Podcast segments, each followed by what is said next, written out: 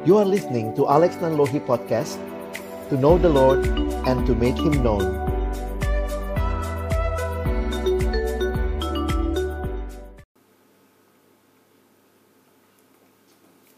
Baik, terima kasih buat kesempatan yang diberikan untuk saya sharing saat ini. Uh, shalom untuk Bapak Ibu, saudara-saudara, khususnya kaum muda ya tentunya yang dalam masa muda ini tema ini akan jadi sangat relevan untuk kita pikirkan dan gumulkan bersama. Ada lagu dulu ya dari Bon Jovi katanya It's my life, ini hidupku begitu. Nah, kita ingin melihat sebenarnya bagaimana memaknai hidup itu. Kalau bicara my life, my way, maka hidup seperti apakah yang akan menjadi kehidupan yang namanya independen, tapi juga bertanggung jawab. Nah, saya ingin mengajak kita melihat bahwa pergumulan tentang kebebasan itu satu pergumulan yang sangat dekat dengan kaum muda. Rasanya kaum muda maunya bebas, maunya tidak terikat begitu rupa. Tapi pertanyaannya, benarkah ada kebebasan yang tanpa batas?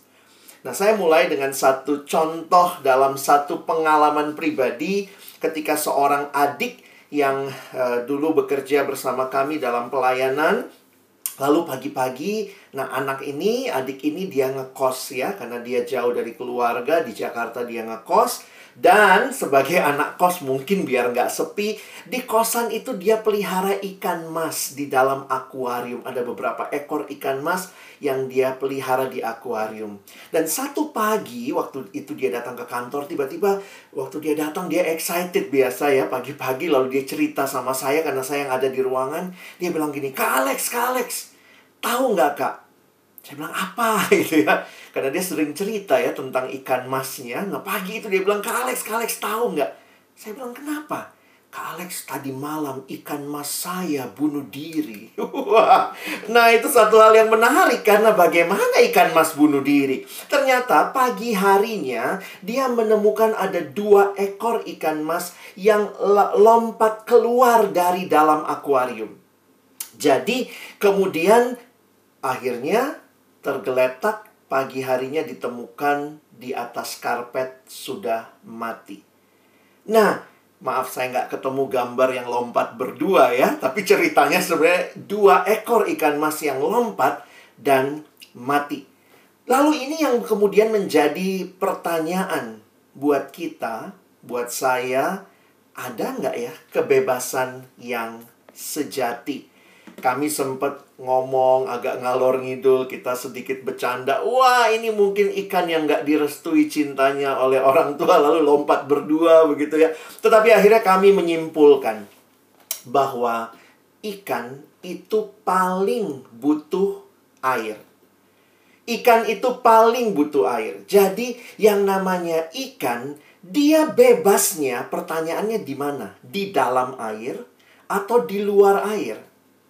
Nah, ini jadi pertanyaan buat kita, apakah kebebasan yang sejati itu? Anak muda maunya bebas tanpa batas, bebas tanpa keterikatan, tapi belajar dari prinsip hidup. Misalnya ikan saja. Ikan itu bebasnya bukan di luar air, tetapi di dalam air. Sama seperti manusia, kita bebasnya itu bukannya di luar oksigen, tetapi kita ini punya kebebasan yang selalu ada cantolannya. Itu selalu terikat. Jadi menarik ya. Kita bebas terikat. Makanya kemerdekaan mutlak atau kebebasan tanpa batas itu adalah sebuah pemikiran yang salah. Bahkan Tuhan Yesus mengatakan di dalam Yohanes 15, Akulah pokok anggur dan kamulah ranting-rantingnya. Ini gambaran kedekatan yang hidup. Pokok anggur dan ranting itu adalah gambaran kehidupan. Dan barang siapa tinggal di dalam aku, dan aku di dalam dia, ia berbuah banyak. Sebab di luar aku, kamu tidak dapat berbuat apa-apa. Nah menarik sekali Tuhan Yesus mengatakan di luar aku kamu tidak dapat berbuat apa-apa. Jadi kalau kita perhatikan sebenarnya kebebasan seperti apa yang Alkitab perkenalkan kepada kita. Adalah sebuah kebebasan di dalam keterikatan kebebasan yang independen tetapi ada batasnya. Wah, itu menarik ya. Dan dari mana konsep ini? Mari lihat lagi. Balik ketika awal Allah menciptakan manusia. Di Taman Eden, kita membaca ketika Tuhan Allah mengambil manusia itu dan menempatkannya dalam Taman Eden untuk mengusahakan dan memelihara taman itu. Di situ mereka bebas. Perhatikan ayat yang ke-16 dalam kejadian pasal 2. Lalu Tuhan Allah memberi perintah ini kepada manusia. Semua pohon dalam taman ini boleh kau makan buahnya dengan bebas. Harusnya titik ya. Silahkan saja, tetapi lihat ayat 17. Tetapi pohon pengetahuan tentang yang baik dan yang jahat, janganlah kau makan buahnya, sebab pada hari engkau memakannya, pastilah engkau mati.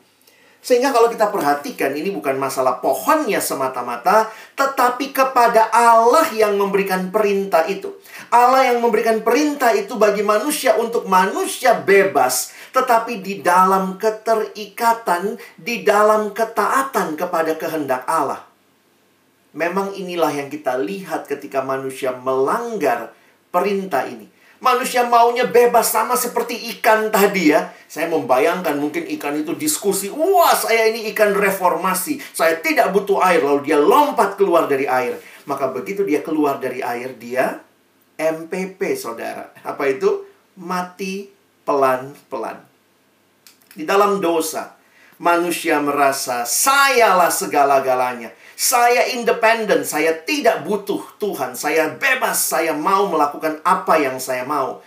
Anak muda sekarang bilang, ya you only live once, YOLO. Ikutin aja hatimu, just follow your heart, follow your feeling, follow your heart. Saya jadi sadar, apakah benar ini ajaran Alkitab? Apakah di Alkitab ada ikuti hatimu? Hai orang muda, dengar ya. Alkitab bicaranya begini loh. Yeremia 17 ayat 9, betapa liciknya hati. Lebih licik daripada segala sesuatu. Hatinya sudah membatu, siapakah yang dapat mengetahuinya? Karena itu, kita bukannya ikutin hati kita. Hati itu bukan kompas yang tidak salah untuk kehidupan. Di Alkitab kita diminta ikuti kehendak Allah, ikuti firman Allah, bukan hati kita. Hati itu sudah tercemar dalam dosa. Waktu saya berkata, this is my life, it's my life, it's my way. Pertanyaannya, saudara dan saya dicipta oleh siapa? Oleh Tuhan berarti kita harus bergantung kepada dia.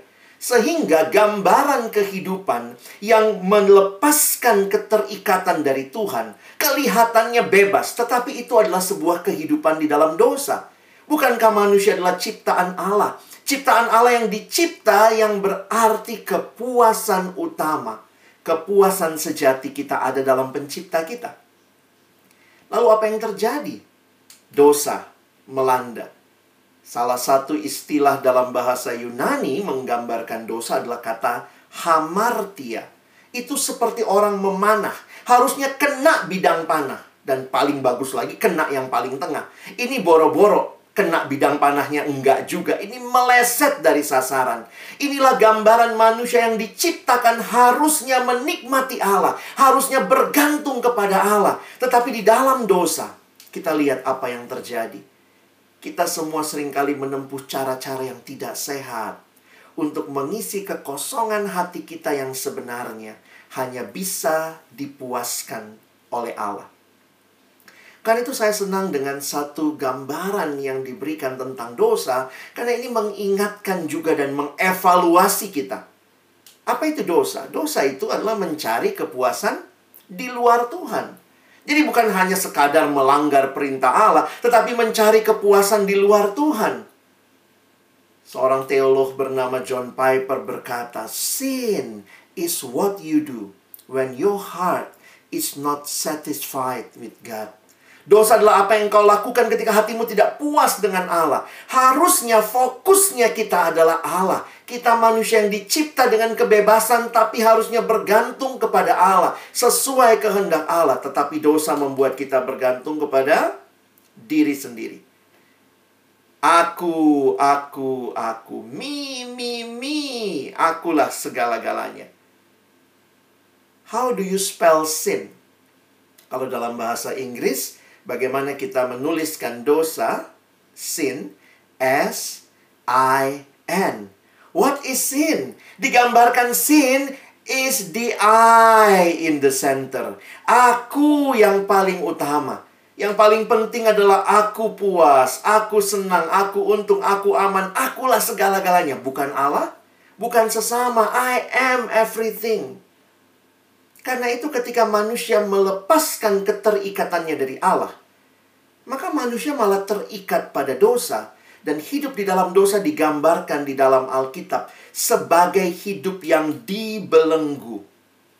Perhatikan istilah yang digunakan. Alkitab mempersonifikasi dosa. Dosa digambarkan seperti seorang tuan yang sedang memperbudak. Karena itu di dalam Roma 6 dikatakan kamu dahulu adalah hamba dosa. Memang kita cuma punya dua pilihan. Terikat pada Allah, itu kebebasan sejati. Atau kita sedang terikat kepada dosa. Itu kebebasan yang semu, yang palsu. Karena dosa hanya akan membelenggu kita. Digambarkan dosa itu menyusup pelan-pelan kita mulai berontak kepada Allah secara sadar dan perlahan. Terjadinya memang pelan-pelan. Sehingga kadang-kadang kita tidak mengenali dampaknya yang menghancurkan. Apa yang terjadi? Kita mulai kehilangan rasa hormat terhadap diri sendiri. Kehilangan kemampuan untuk berpikir sehat. Siapa yang nggak tahu sih bahwa merokok itu adalah merusak kesehatan, tapi jangan ngomong dosa dulu deh, ngomong merusak kesehatan, tapi itu yang terjadi. Kehilangan kemampuan untuk berpikir sehat, kehilangan kemampuan untuk berkata jujur, kehilangan kemampuan untuk memberi, kehilangan kemampuan untuk mengasihi, dan kehilangan kemampuan untuk hidup kudus. Tidak heran Alkitab berkata, Roma 6:23a, sebab upah dosa ialah maut. Jadi ini gambaran keterikatan yang akhirnya hanya membawa maut. Itulah keterikatan kepada dosa. Karena itu, kalau kita perhatikan bagaimana Alkitab memberikan kepada kita jalan keluar, bagaimana melepaskan diri dari keterikatan dosa, maka kita bersyukur sekali lagi. Kitab Galatia pasal 5 ayat 1 mengatakan, supaya kita sungguh-sungguh merdeka, Kristus telah memerdekakan kita. Yohanes 8 ayat 36 Yesus berkata, "Jadi apabila anak itu memerdekakan kamu, kamu pun benar-benar merdeka." Perhatikan apa yang Tuhan rindukan bahwa saudara dan saya, hai orang-orang muda, kemerdekaan yang sejati ketika engkau terikat kepada Kristus Dialah yang menyelamatkan engkau. Yesuslah yang mematahkan, menghancurkan belenggu dosa, dan membebaskan kita. Karyanya di kayu salib adalah karya yang satu kali untuk selama-lamanya. Memberikan kepada kita kemenangan. Karena di kayu salib Yesus berkata, sudah selesai. Yang berarti hutang dosamu. Hutang dosaku dia bayar lunas. Dan apa yang dia lakukan? Mengapa dia menebus kita? supaya engkau dan saya sekarang boleh hidup dalam kebebasan. Kebebasan kita kan hilang ya di Taman Eden tadi. Tetapi karya Kristus kembali menebus, menyelamatkan kita, membebaskan kita. Karena itu perhatikan apa yang harusnya jadi sikap hidup orang yang sudah dimerdekakan. Maka Rasul Petrus di 1 Petrus 2:16 perhatikan ayatnya. Hiduplah sebagai orang merdeka dan bukan seperti mereka yang menyalahgunakan kemerdekaan itu untuk menyelubungi kejahatan-kejahatan mereka, tetapi hiduplah sebagai hamba Allah. Kita adalah orang merdeka, tetapi orang merdeka kok bawahnya hamba? Karena kemerdekaan yang sejati ketika kita jadi hamba Allah. Karena pilihannya cuma dua tadi ya, hamba Allah atau hamba dosa. Menarik sekali, merdeka itu waktu jadi hamba, tapi hambanya Allah. Jadi jangan berpikir kemerdekaan tanpa batas, kemerdekaan yang semau gue. Yang saya mau, apa yang saya suka itu saya ikuti, bukan demikian. Di 1 Petrus pasal yang kedua, Rasul Petrus menuliskan ayat 24, Iya, Yesus sendiri telah memikul dosa kita di dalam tubuhnya di kayu salib. Supaya kita yang telah mati terhadap dosa hidup untuk kebenaran. Lihat tujuan yang baru. Apa tujuannya saudara dan saya dimerdekakan dari dosa? Untuk hidup dalam kebenaran. Oleh bilur-bilurnya kamu telah sembuh. Saya menuliskan di bawah, Kristus mati agar kita hidup untuk kebenaran. Inilah hidup yang baru, hidup yang merdeka, betul. Tetapi merdeka karena kita bergantung kepada Allah. Kita hidup sesuai kehendak Allah. Satu bagian dalam 2 Korintus 5 ayat 17. Rasul Paulus berkata, Jadi siapa yang ada di dalam Kristus, ia adalah ciptaan baru. Yang lama sudah berlalu, sesungguhnya yang baru sudah datang. Inilah indahnya hidup baru kita.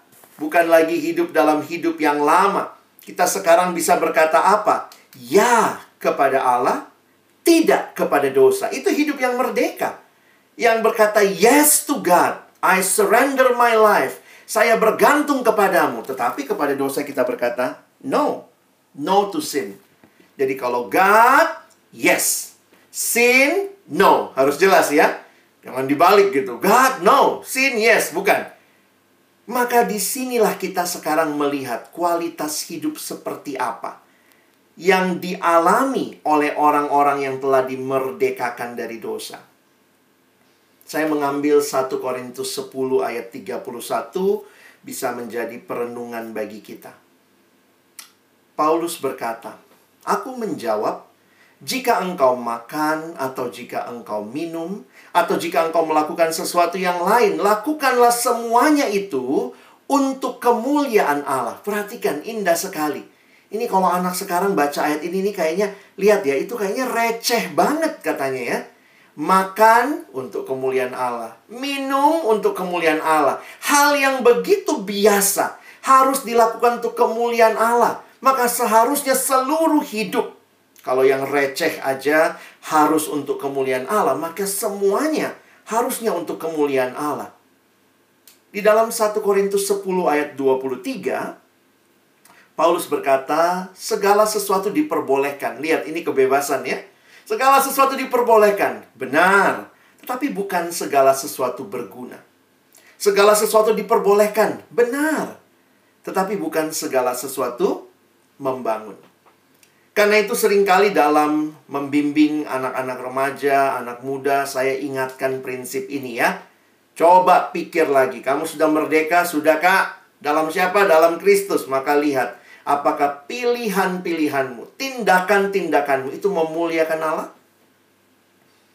Apakah itu berguna? Apakah itu membangun?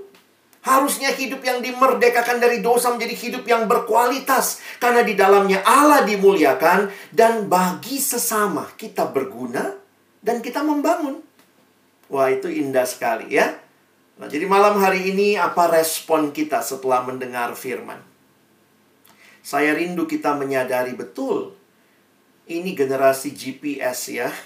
Katanya posisi sangat penting. Makanya pastikan sahabatku di mana posisimu? Apakah engkau di dalam dosa?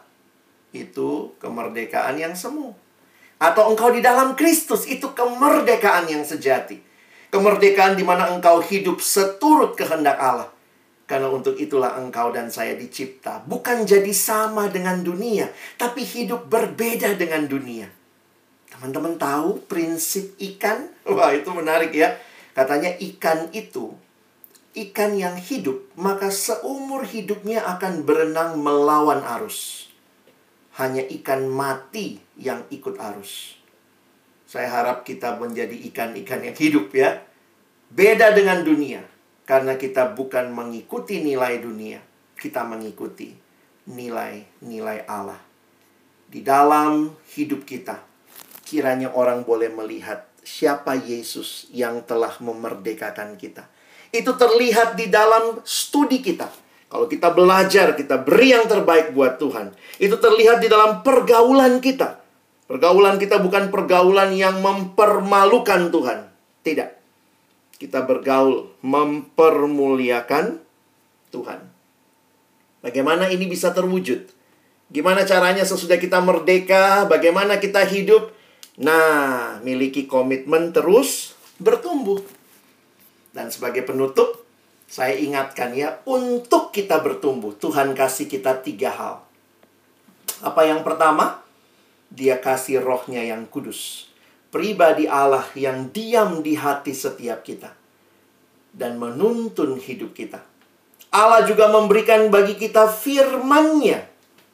Nah, kita bersyukur ada Scripture Union Indonesia.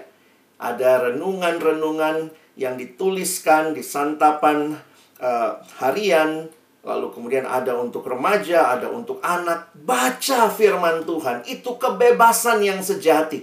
Firman itu menuntun kita, bukan hati kita yang sudah tercemar dosa. Ikuti hatimu, no. Ikuti firman Tuhan. Ayo, yang belum punya kebiasaan baca Alkitab setiap hari, mari mulai. Untuk bahan menolong, teman-teman bisa cari ya, ada Scripture Union Indonesia yang membantu kita dalam bagian ini secara khusus. Dan kita bersyukur kita punya komunitas. Anak muda senangnya berkomunitas dan puji Tuhan. Kita punya gereja, kita punya persekutuan. Mungkin kalau kalian di sekolah ada persekutuan, kita saling membangun. Kita tidak bertumbuh sendiri. Tuhan memberikan saudara-saudara seiman. Mari hidup independen karena Kristus sudah memerdekakan kita Mari terus bergantung kepada Dia, hidup sesuai kehendaknya. Tuhan memberkati kita.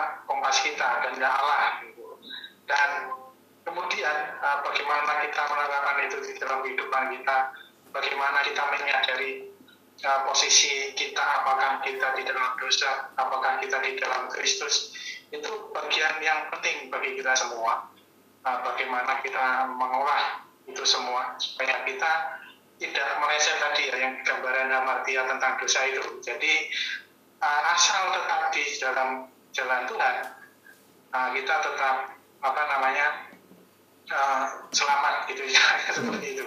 Ya silakan Bapak Ibu apabila ada pertanyaan kami buka sesi sesi untuk tanya jawab. Uh, silakan.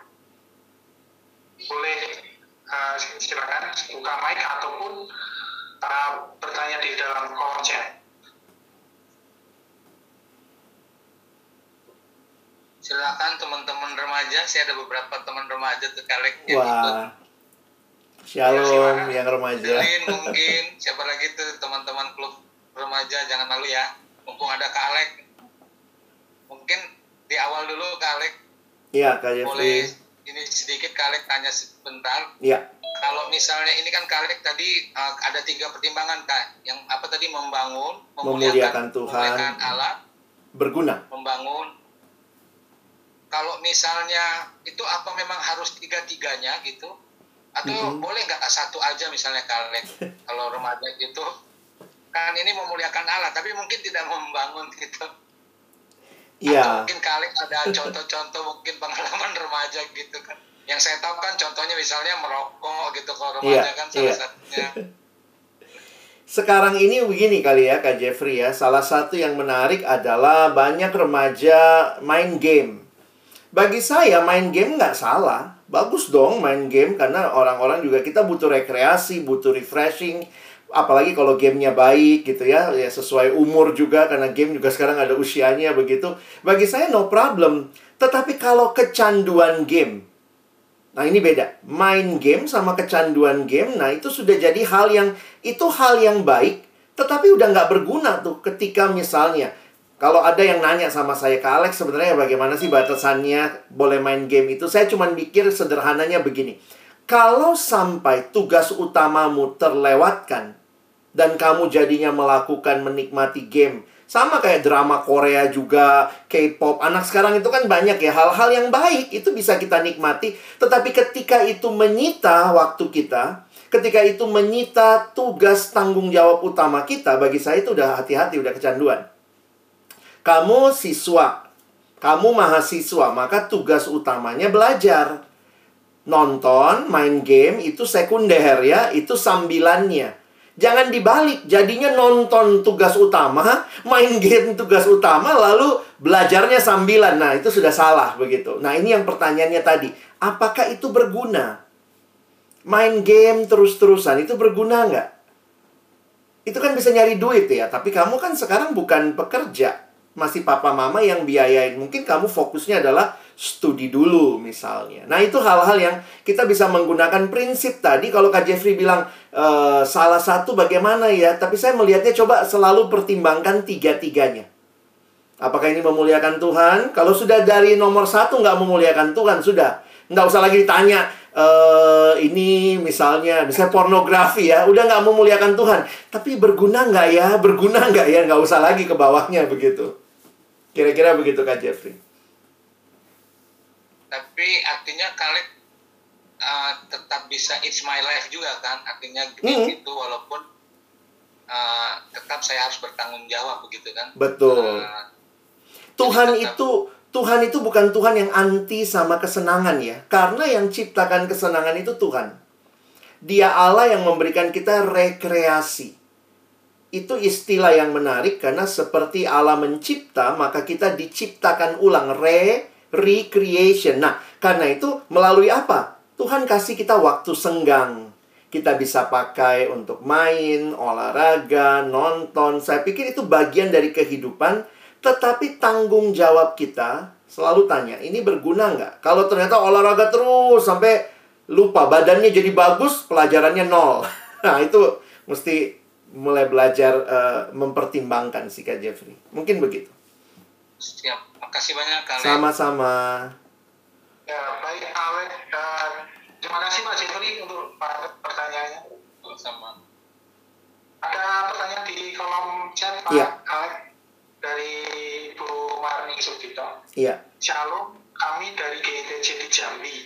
Layanan remaja di gereja kami berjalan, tetapi dikatakan bertumbuh lambat Iya. Anak-anak tersebut masih terlihat pergi ke gereja karena perintah orang tua untuk memuji Tuhan. Gitu ya. hmm. Belum ada greget sama sekali. Itu maksudnya greget untuk iya. uh, kesadaran diri itu yang mungkin seperti itu. Belum apa greget seperti itu. Mohon masukan ide-ide yang mungkin dapat kami lakukan untuk menumbuhkan iman di hati mereka. Terima kasih. Wah, terima kasih banyak Ibu Marni. Saya melihatnya begini bahwa ini generasi yang sebenarnya punya banyak uh, kreativitas, kemampuan, tapi mungkin juga ya saya nggak tahu persisnya, tapi mungkin juga mereka tidak dilibatkan. Jadi saya melihat mungkin kita perlu juga melibatkan remaja, pemuda lebih banyak lagi di dalam pelayanan. Tapi ada yang bilang, tapi susah kak, mereka boro-boro mau pelayanan ini ke gereja aja mesti dipaksa begitu ya. Nah poin saya adalah begini, penting juga kita tidak hanya bertemu mereka dalam pertemuan besar pada waktu hari Minggu.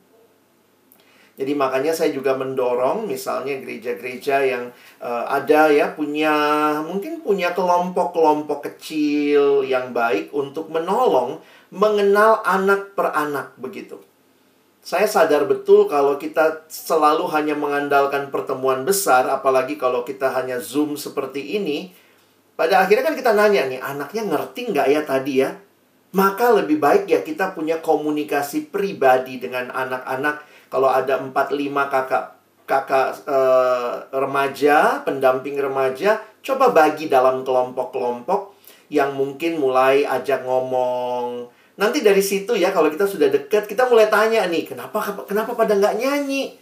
Nanti mereka mungkin akan cerita, aduh kak lagunya nggak enak, nggak suka, uh, atau nggak tahu lagunya. Jadi sebenarnya poinnya begini kita punya komunikasi dengan mereka. Nah, sesudah itu nanti kita bisa uh, mau nggak kita komitmen ya kelompok kita kalau nyanyi harus sungguh-sungguh.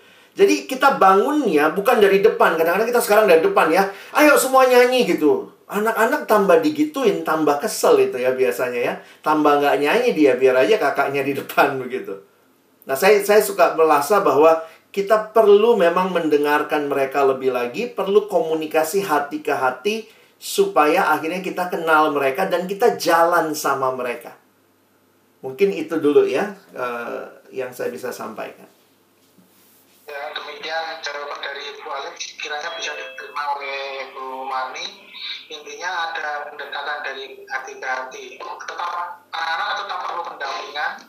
Uh, dan apa jangan dibiarkan berjalan sendiri gitu ya karena yeah. masih perlu uh, pembimbing gitu ya. ya kalau dari saya ini Pak tadi disebutkan tentang dunia dan kita apa tidak serupa dengan dunia mungkin seperti itu yeah. dan kita pun uh, perlu berbeda nah, perlu diperdalam soal dunia ini Pak yang dimaksud dengan dunia itu yeah. apa dan yang berbeda itu dalam hal apa gitu jangan sampai terus uh, uh, apa para remaja nanti berpikiran uh, aku harus berbeda dengan yang lain padahal yang sama pun belum tentu itu salah gitu ya. Dan maksudnya asal berbeda saja kan malah jadi aneh gitu. Iya iya. mohon pak pencerahannya pak. Iya thank you pak.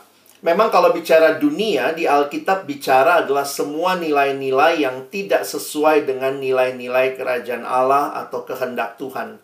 Jadi saya juga berpikir begini, kita jangan lupa ya, karena Tuhan memberikan kepada kita perintah, kamu adalah garam dunia, ya, kamu harus jadi garam dunia, kamu harus jadi terang dunia, kamu harus jadi berkat. Jadi sebenarnya saya senang dengan prinsip yang Yesus berikan di dalam Yohanes 17.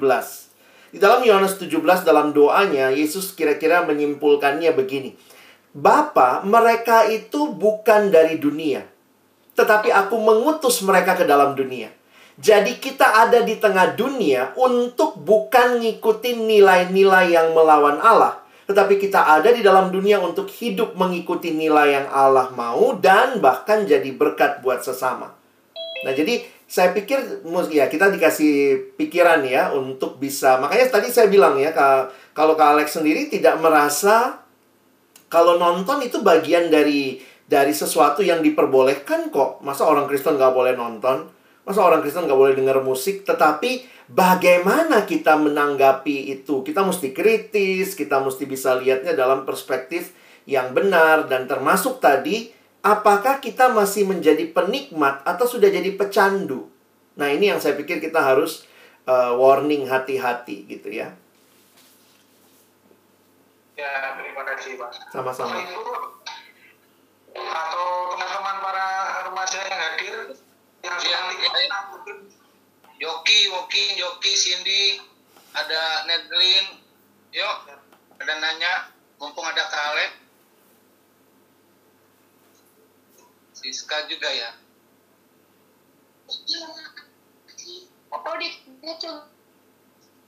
Siapa nih? Silakan. Ya. Uh, ya, uh, Kak Pendeta Alex ya. Iya. Uh, tadi kan sempat disampaikan bahwa melibatkan oh, iya. ini anak-anak remaja ya, atau mungkin pemuda ya mm.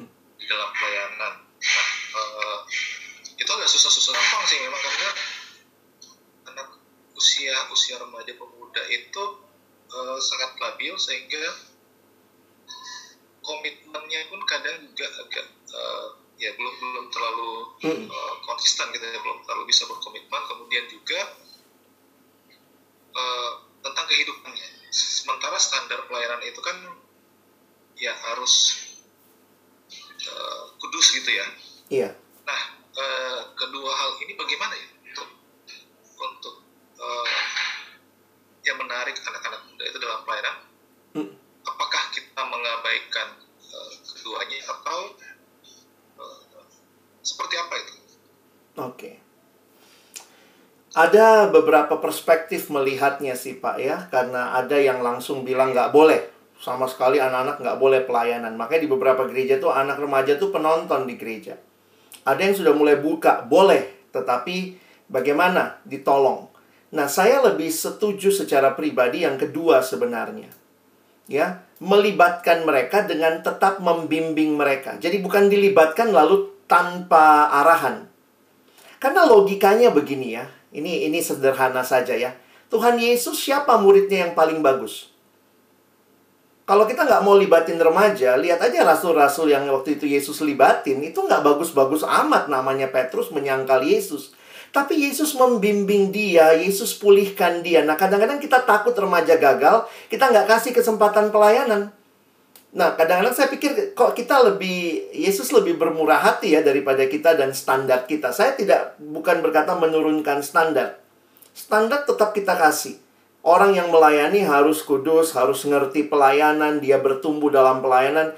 Tetapi jangan-jangan kita bukan cari orang yang sudah jadi, tapi kita membimbing orang supaya dia siap melayani. Dan saya pikir Tuhan Yesus sangat sabar. Dan kita bersyukur melihat karena itulah ada Petrus ya, Paulus juga yang sebelumnya. Murid-muridnya ke mana ini? Kalau kalau saya jadi Yesus gitu ya sudah training tiga tahun eh di akhir lari semua gitu ya. Tapi kenapa Tuhan nggak give up sama orang-orang ini? Dia kasih kesempatan dan justru mereka yang jadi rasul yang pergi ke seluruh dunia. Jadi saya kadang ber, berkaca pada Yesus untuk tidak menurunkan standar tetapi mendampingi generasi ini mereka tidak komitmen ya udah kita tanya apa yang bisa kamu kasih Kadang-kadang mungkin komitmen panjang itu bukan jadi sesuatu yang perlu ditawarkan sekarang. Makanya saya nggak tahu nih, komisi-komisi remaja di gereja yang masih masa kepengurusannya 5 tahun, 2 tahun. Nah, kalau anak remaja sekarang, gimana tuh nanti mereka melayani? Apa kita perlu sedikit adjustment? Oke, kamu bisa tiga bulan. Oke, kakak pegang tiga bulan. Saya akan dampingi kamu. Wah, kita jalan bareng mereka sanggup lanjut lagi, lanjut lagi. Jadi jangan satu tahun, nggak siap satu tahun langsung mundur semua.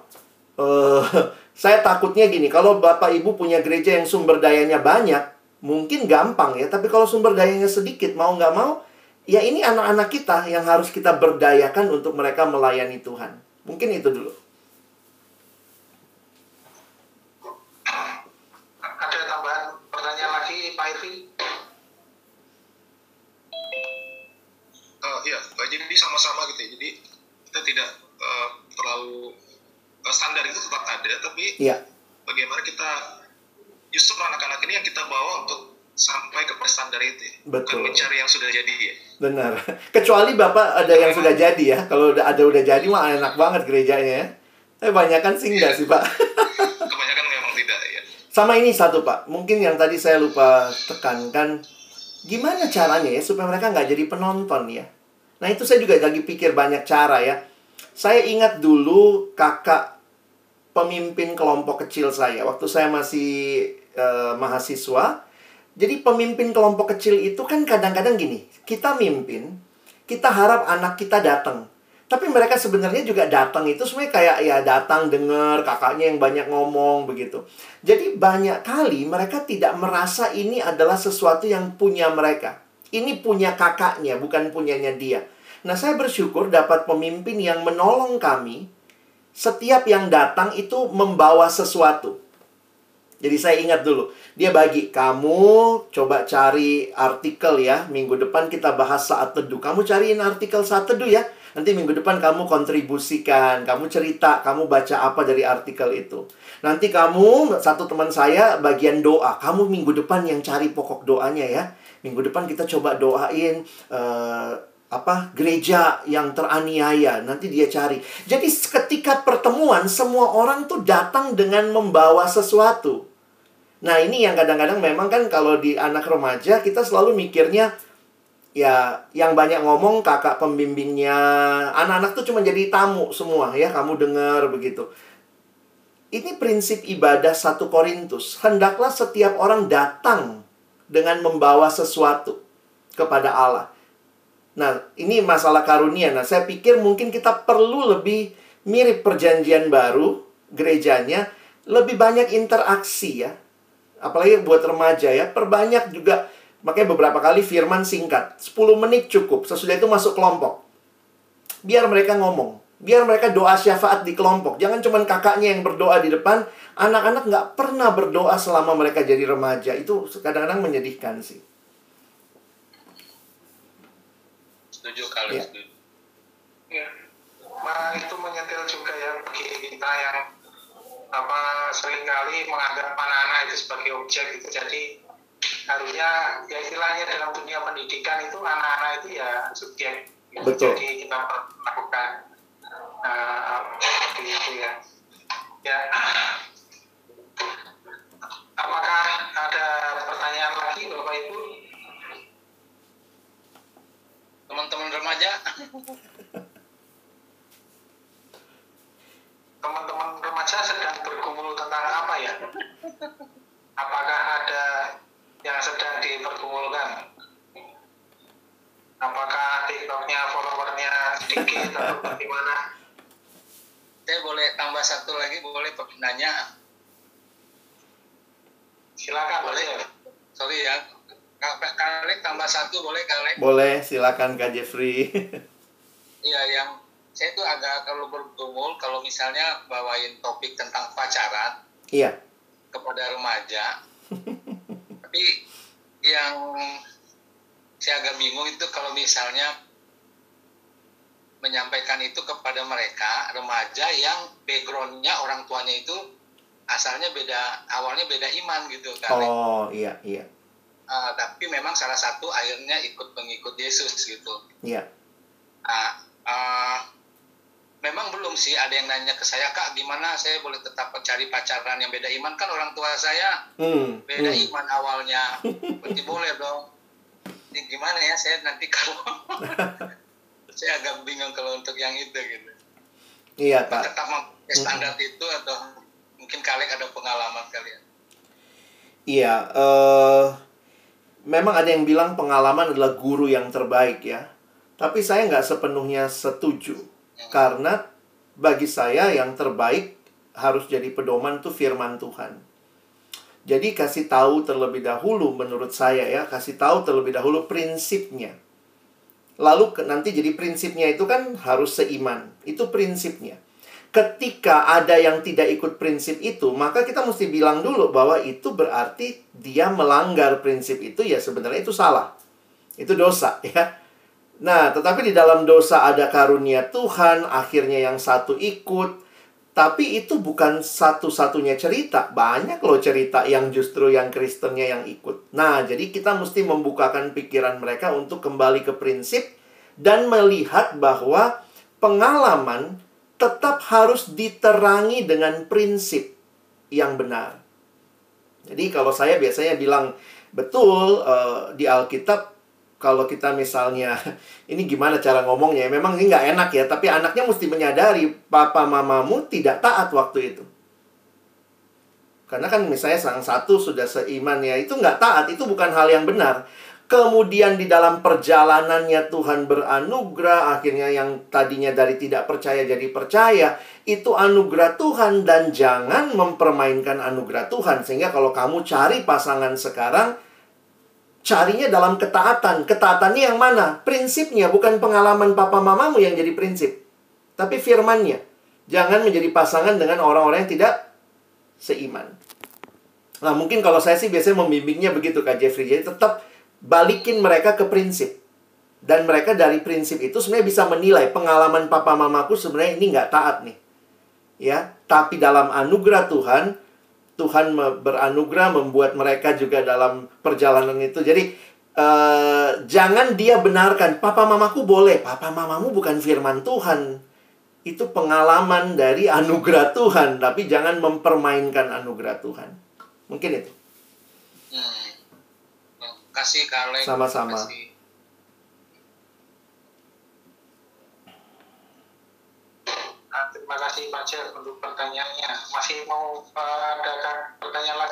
Pasti ada kan? oh enggak saya sudah Oke. teman remaja mungkin Iya. Nah, untuk saat ini Pak itu kan eh, dunianya dunia virtual. Iya. Dunia ya itu tadi yang disebutkan tentang gadget itu gawai gitu ya. Iya. dekat dengan anak ketimbang dengan sesamanya atau bahkan dengan orang tuanya. Nah, eh, tadi juga di, sudah disebutkan eh, solusinya gitu ya, tapi hmm. untuk langkah praktisnya untuk untuk untuk anak-anak benar-benar sadar ada bahaya itu tanpa mengurangi uh, apa namanya kenyamanan dia ketika bermain game artinya tidak melulu melihat hal itu sebagai hmm. yang salah padahal kalau uh, ke depannya pun itu juga mungkin uh, bisa menjadi berkat karena ternyata banyak orang yang hidup dari hmm. hal itu seperti yang sekarang e-sport kan juga sedang dikembangkan iya. nah, untuk apa itu juga menjadi pergumulan para remaja juga gitu hmm. apakah aku akan terjun ke sana nah, begitu jadi uh, kiat-kiatnya apa ini apa ini pak untuk untuk hal-hal yang bersifat uh, teknologi atau apa ini hmm. istilahnya hmm. dunia virtual ini perubahan ya ini namanya iya bicara pelayanan remaja itu selalu terkait dengan tiga hal sih pak ya kalau bicara secara sederhana yang pertama keluarga yang kedua itu adalah gereja yang ketiga adalah institusi pendidikan jadi sebenarnya ini pro proyek besar. Memang kan seperti kalimat it takes a village to raise up a child.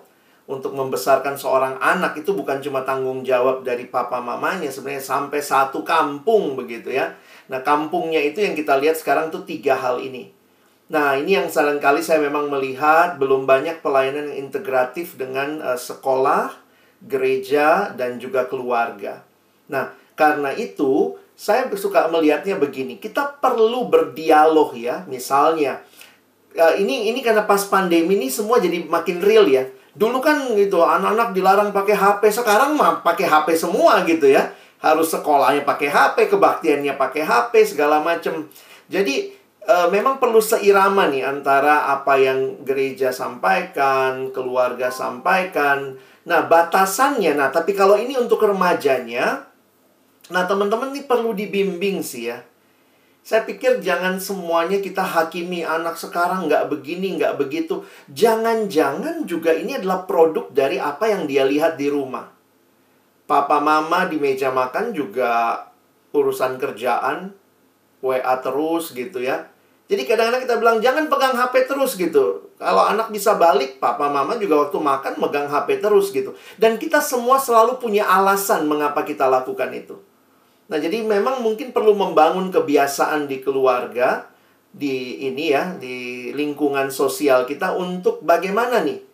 Makanya mungkin pembinaan-pembinaan tentang bagaimana memanfaatkan gadget dengan baik.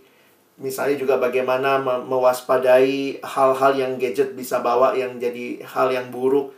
Jadi maksudnya gini, kita memberikan dua-duanya. Ketimbang kita cuma bilang ini jelek, ini bagus begitu ya. Tapi kita kasih tahu nih, anak sekarang harusnya diajak berpikir dan dibimbing waktu menjalaninya begitu. Memang nggak mudah sih, tapi ya satu sisi juga saya melihat begini, pelayanan media kita, khususnya dari yang Kristen, cukup kurang ya. Jadi kalau kita bilang, kamu tuh lihat-lihat yang lainnya, saya mau nanya juga, coba Bapak Ibu sebutkan 10 website terbaik Kristen. 10 apps Kristen yang baik. Apps Kristen atau kadang-kadang website gereja juga paling isinya warta jemaat gitu ya. Nggak ada tuh bacaan remaja. Jadi kadang-kadang saya pikir gini, anak remaja ada di dunia medsos. Dia nggak ketemu itu. YouTube gereja juga biasa aja. YouTube pelayanan juga biasa aja. Menarikan K-pop begitu ya. Jadi kadang-kadang saya pikir gini, jangan cuma nyalahin mereka, tapi mari kita juga mengisi ruang-ruang virtual ini dengan kebenaran, kita isi dengan kreativitas, kita libatkan mereka. Ini dunia mereka. Mungkin ya nextnya bisa anak remajanya yang ngomong, bukan saya gitu ya, bukan ke Alex lagi yang ngomong. Kalian yang ngomong, kalian pengennya apa gitu ya. Nah, jadi itu itu hal-hal yang saya pikir kita perlu berubah pola pikir untuk melihat remaja. Saya setuju yang Pak Petra bilang, mereka bukan objek mereka tuh subjek. Banyak hal yang justru mungkin orang tua perlu dengar anak-anak presentasi. Gimana main game Mobile Legends strategi yang bagus. Main sama orang tuanya. Biar ngeliat tuh orang tua, wah anak gue pinter juga ya. Karena di game-game itu strategi jalan semua. Dan itu banyak potensi ke depan sih. Mungkin gitu dulu, Pak. Iya, ya, terima kasih Pak Ale. Baik, tetap bersama kami Bapak Ibu. Ada info yang ingin saya sampaikan. Uh, setelah itu bisa ditutup dengan doa. Baik, Pak. Uh, kalau balik ke tema kita, saya cuma mungkin memberikan satu gambaran yang uh, sederhana. Kalau anak kecil bertumbuh makin dewasa biasanya itu makin melepaskan diri dari orang tuanya. Itulah yang disebut dewasa. Yang sudah nggak bergantung sama orang tuanya. Itu kan dewasanya begitu ya. Jadi sudah bisa makan sendiri, sudah bisa beresin kamarnya sendiri.